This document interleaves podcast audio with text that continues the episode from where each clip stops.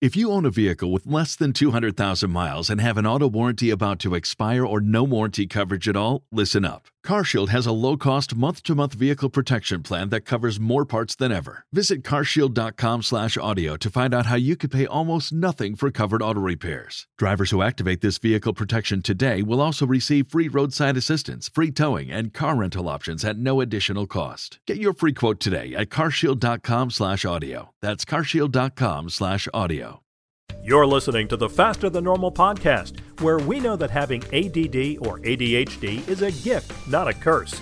Each week, we interview people from all around the globe, from every walk of life in every profession, from rock stars to CEOs, from teachers to politicians, who have learned how to unlock the gifts of their ADD and ADHD diagnosis and used it to their personal and professional advantage to build businesses, to become millionaires, or to simply better their lives. And now, here's the host of the Faster Than Normal podcast, the man who usually can be found singing in the gym at 5:15 a.m., Peter Shankman. Hey guys, Peter Shankman. Welcome to another episode of Faster Than Normal. I am psyched. We have a New York Times bestseller on the podcast today, and it's not me. Uh, I am still waiting. It, is, it has been uh, one week since the since the book launched. I'm supposed to hear today, and it's killing me. I don't know yet, but anyway, enough about me. We have Chris Guillebeau on the podcast. He is a New York Times bestselling author of Side Hustle, The $100 Startup, The Art of Nonconformity, a bunch of other books. This guy, I've known him for a while, and um, he has never had a real job. He has had a lifetime of self employment. He's visited every country in the world before his 35th birthday, which is pretty impressive. I don't think you could do that today. I don't think, uh, with the current situation in our country, I think you wouldn't be allowed into certain countries. Uh, before his 35th birthday, every summer in Portland, he hosts the World Domination Summit a gathering of creative and remarkable people. If you haven't heard of that thing, you should. I am. I know several people who attend every single year. And then he has a daily podcast because he's not, uh, you know, busy enough, called Side Hustle School. More than two million downloads a month. Oh, and by the way, I diagnosed ADHD as a kid. Chris, welcome. Dude, thank you so much for having me. Thanks for that kind introduction as well. And congratulations on your book. Thank you. You saw it everywhere over the past week, so I'm hoping for good news for you as well. We had a good launch. I was excited. We hit all three number one categories yeah. in Amazon. So regardless yeah, of what happens, it. I feel That's like, great. feel like it's been a win. Um, well done. Tell me, I mean, you're, you're the you're the classic example of of why I keep saying that ADHD is such a such a powerful powerful gift if you know how to use it. Um, tell me your backstory. Yep. Tell me when you were diagnosed. Tell me about you as a kid. Yeah, backstory of ADHD. I mean, it's great to have this conversation because I don't think I've ever actually really talked about it much, uh, and it's something that affects my life a lot. Uh, and I probably talked about it superficially, but um, with somebody who actually understands, it's great. So, yeah, when I was a kid, I mean, I don't remember the precise age, but you know, somewhere in like the six to nine age category, um, you know, was diagnosed. I think I took some Ritalin or something for a while.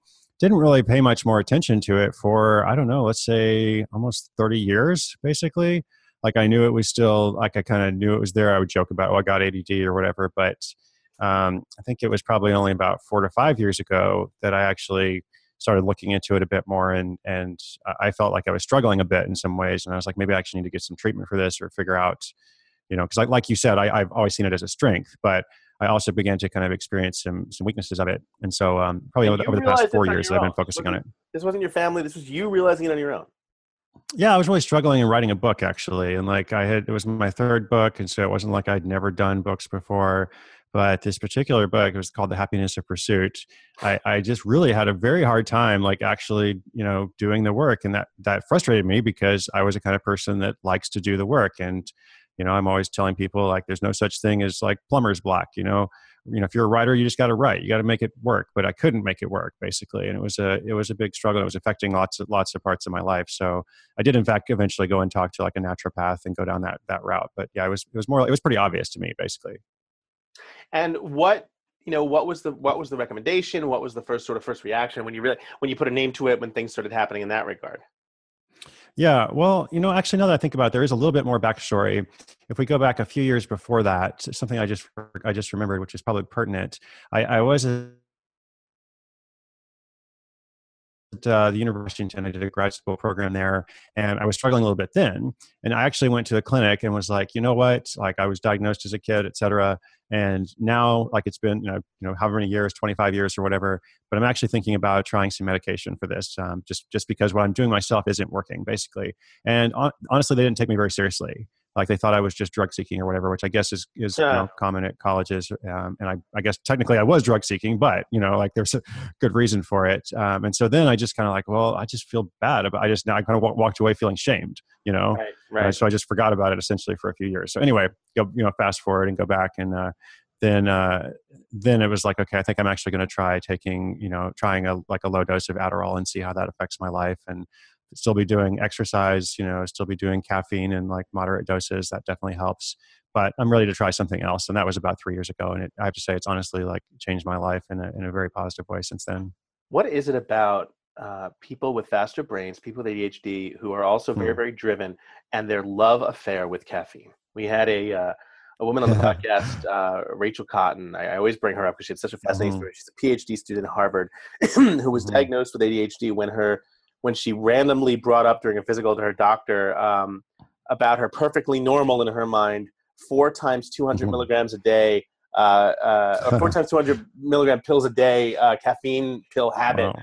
she's like oh yeah yeah doesn't okay. everyone do that the doctor's like uh no right right i was trying to think about how much coffee that is it seems like a lot of coffee or something a you know? lot yeah. of coffee yeah you know it's, it's something i think it's that it's that um, we it's very funny it's i i rarely meet ADHD and people who are truly- exercise, exercise, right? I mean, I, I know you you run like don't you don't you run like thirty miles a day or something? Yeah, uh, yeah, thirty miles a day. Right. I wish. No, right. I do run. Exactly. I do run. Right. But it's rare that we meet ADHD people who have um, a love for uh, things that slow you down. Ah, okay the majority of Such people as, with ADHD have yeah, have a love right. for things that speed you up, whether caffeine. Ah, or, right, right, right. Of course, exactly. Right, right. Yeah, caffeine or worse. uh huh. Yeah. Well, I think. Uh, I mean, I I also kind of trace it to just like I feel like I have a great life. I have I have work that I love to do. I want to do it more kind of opposed to a lot of messaging that you hear these days about I don't know simplicity or minimalism or whatever. And I don't mean to attack certain labels because obviously you can apply them in positive ways too. But I guess for me, it's like I love what I do. Why would I want to do it less? You know, like if I could, you know, that whole question of like if, if time or money was no object, like what would you do? Right, like right. honestly, what I would do is what I'm doing right now. Like, and so I would do it. I would do it more you know if i could have anything in the world it would be like an extra hour a day like that would be awesome but since i can't i'm going to try to like put the best use you know of the hours available to me et cetera et cetera but i know you very, i know you identify with that we're very lucky about that yeah because not a lot of people have the ability to say they love what they do you know it's when i was walking in today mm. and the, and the uh, walking i have an office here in midtown and the person in, walking in in front of me as she passed through security she goes you know hey it's hump day only three more mm. days I'm sitting there going, All right. That's your outlook. Oh my God. You walk in the office and your outlook is, yeah, only three yeah. more days to the weekend to do it again. God, get another job. do something that you enjoy more. Yeah, do do do something. You know, yeah. I mean, do something. Like obviously, you might not be able to get the other job or quit your job tomorrow, but yeah, it's just it's going to be a hard thing to live with, like for your whole career. You know, to be like every single week looking looking forward to two days out of the seven. You know, no so I, I really look forward to Monday. You know, you um, I look forward to like jump jump jumping into stuff. Amen. Talk to me about. Um, I want to I want to touch on a lot of the books, but I love the the art of hmm. nonconformity. Mm the art of nonconformity. Sure. The day that I realized that, I mean, I always knew I was different, and I think the day that I stopped caring mm-hmm. what other mm-hmm. people mm-hmm. thought was the day that I became free. Right, right. That's great. Yeah, I mean, for me, uh, so Art of Nonconformity was kind of like my manifesto. That was my first book, my presenting my my worldview essentially to whoever would care, and it came out of my own experiences of um, like never having a job essentially, and always being like a little entrepreneur. And by entrepreneur, I don't mean like having a huge startup. I just mean like hustling and finding a way to make a living. I imported coffee. I sold stuff on eBay. I learned to do various consulting and stuff with Google and all that, and did that for 10 years basically. And for four of those years, I was an aid worker in West Africa. So I had some amazing experiences come out of that. And then I was beginning this quest to go to every country in the world. So Art of Nonconformity was kind of like, you know, the central message of everything I do for the past 10 years is basically like you don't have to live your life the way others expect. And so that my crystallization of those concepts in terms of life, work, travel, you know, charity work, whatever is important to you. How do you how do you apply this? uh, in your way. And so I, it's interesting because I didn't really know how to write a book. You know, when I did that, it being the first one. Um, so in some ways, I would probably do something different, different, you know, with it if I was doing it now. But in other ways, like it, it's interesting because I still hear, I still hear from people like almost every day that find that book and it means something to them. And I think that's that's interesting. Oh, I was a huge fan. I was a huge fan of it. Oh, thank you. That's kind. What Very do, you, kind. what do you tell people? You get, you get, you know, I was talking about uh, to, to to some teachers about this uh, the other day. When you're in school, when you're in junior high school, when you're in high school, your job is basically to be social. Uh-huh. Your secondary job is to learn. Yeah. Your job is essentially to be social. And you know, when you're different in in school, uh, Mm. the motto basically is if you're different, that's wrong, right? What do you tell Uh-huh. a kid who's different, who is ostracized, ostracized for being different in that regard? What do you tell them in terms of how to, hey guys, it gets better, or it's not, you know, this is not a bad thing, or whatever. right. You know, especially because all Yeah, they I mean- see is the negative there. Sure, sure. I, I mean, I like those two things that you said. One, number one, it gets better, and number two, it's like there- there's some good stuff about this. Like you're you're actually like this way for a reason. It's going to help you like later in life. I mean, I thought you were going to ask about my experience, and I was going to say, well, I'm not the best role model because I I didn't finish high school. Like I actually dropped out of high school. I was a juvenile delinquent and all that.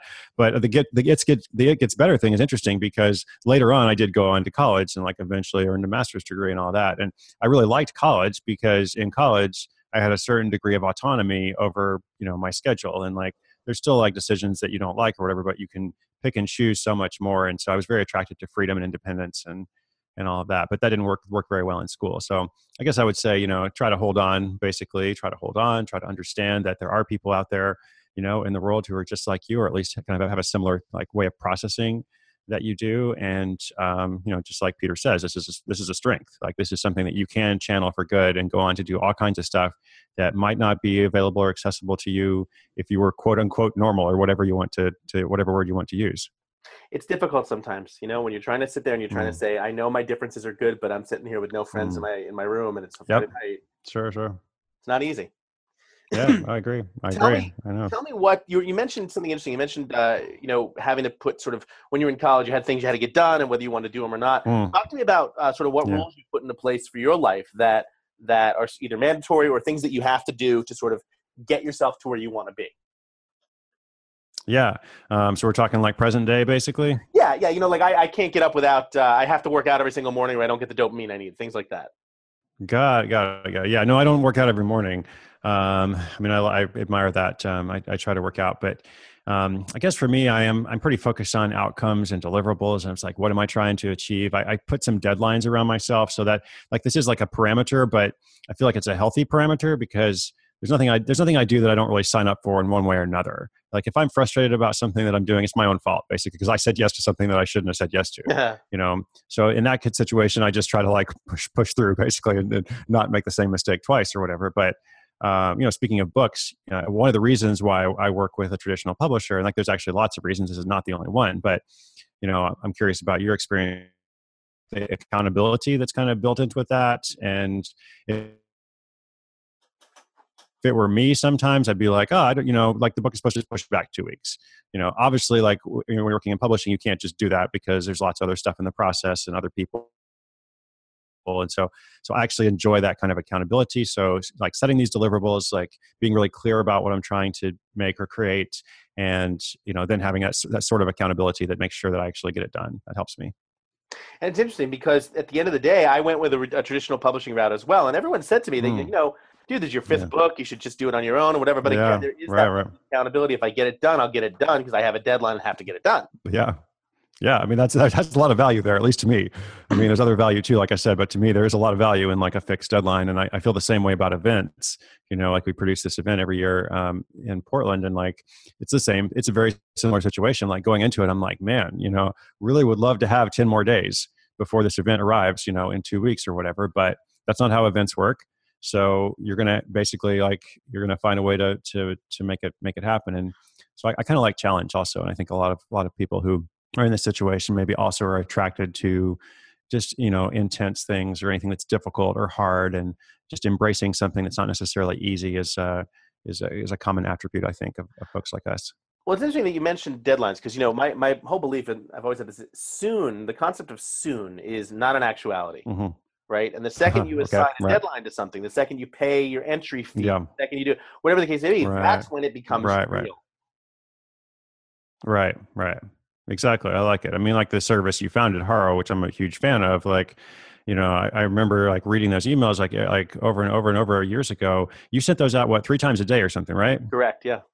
Yeah, exactly. And like I feel like you I, maybe at some point you missed a deadline. I don't know, but like I never noticed you missed it. Like it was like always there, and you always had the little little like introductory comments and remarks and it was, it was really it was kind of a fun thing because I felt like you were building community through that, but you also had this like built-in built-in accountability with well, it as well. The thing. It was it wasn't easy. You know, the, if I was an hour late, right. I'd get 500 right. tweets and say, "Where the hell's the HARO?" So that that definitely helped. Yeah, right, let's, right, right, right. Exactly. Let's, uh, change topics for a little bit. Let's let's switch gears. Tell me about. Um, I mean, I you you've you've visited every country. Tell me about uh, some amazing experiences sure. in some countries that um, we might not expect.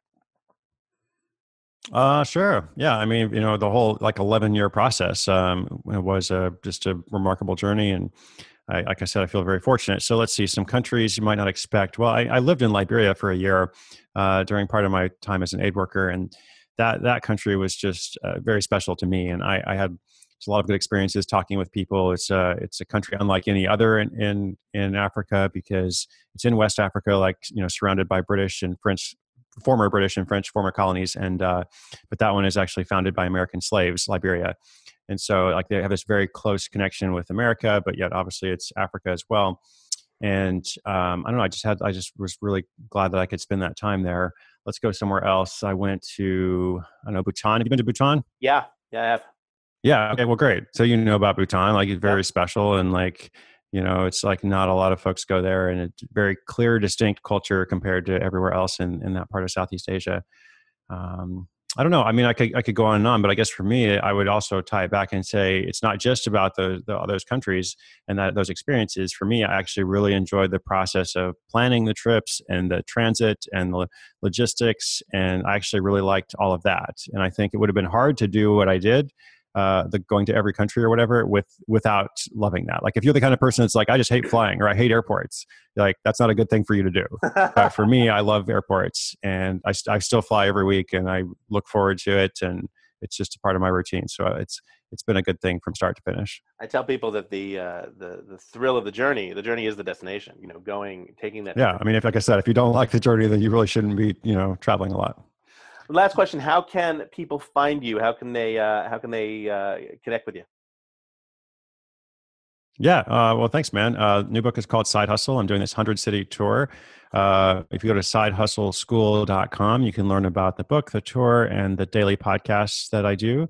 Uh, or I'm just Chris Guillebeau online, which nobody can spell. But if you type in something like Chris Guillebeau, it will bring you close to me. Very cool. Chris Gill, thank you so much for taking the time. Guys, you've been listening to Faster Than Normal another week. Uh, we are thrilled that you're here as always. Stick around. We have more stuff coming up next week. If you like what you hear, check out the book, leave us a review, anything to connect. I'm at Peter Shankman on all the socials. We will see you next week. You've been listening to the Faster Than Normal podcast. We're available on iTunes, Stitcher, and Google Play, and of course at www.fasterthannormal.com. I'm your host, Peter Shankman, and you can find me at petershankman.com and at Peter Shankman on all of the socials. If you like what you've heard, why not head over to your favorite podcast platform of choice and leave us a review? The more people who leave positive reviews, the more the podcast is shown, and the more people we can help understand that ADHD is a gift, not a curse. Opening and closing themes were performed by Stephen Byram, and the opening introduction was recorded by Bernie Wagonblast. Thank you so much for listening. We'll see you next week.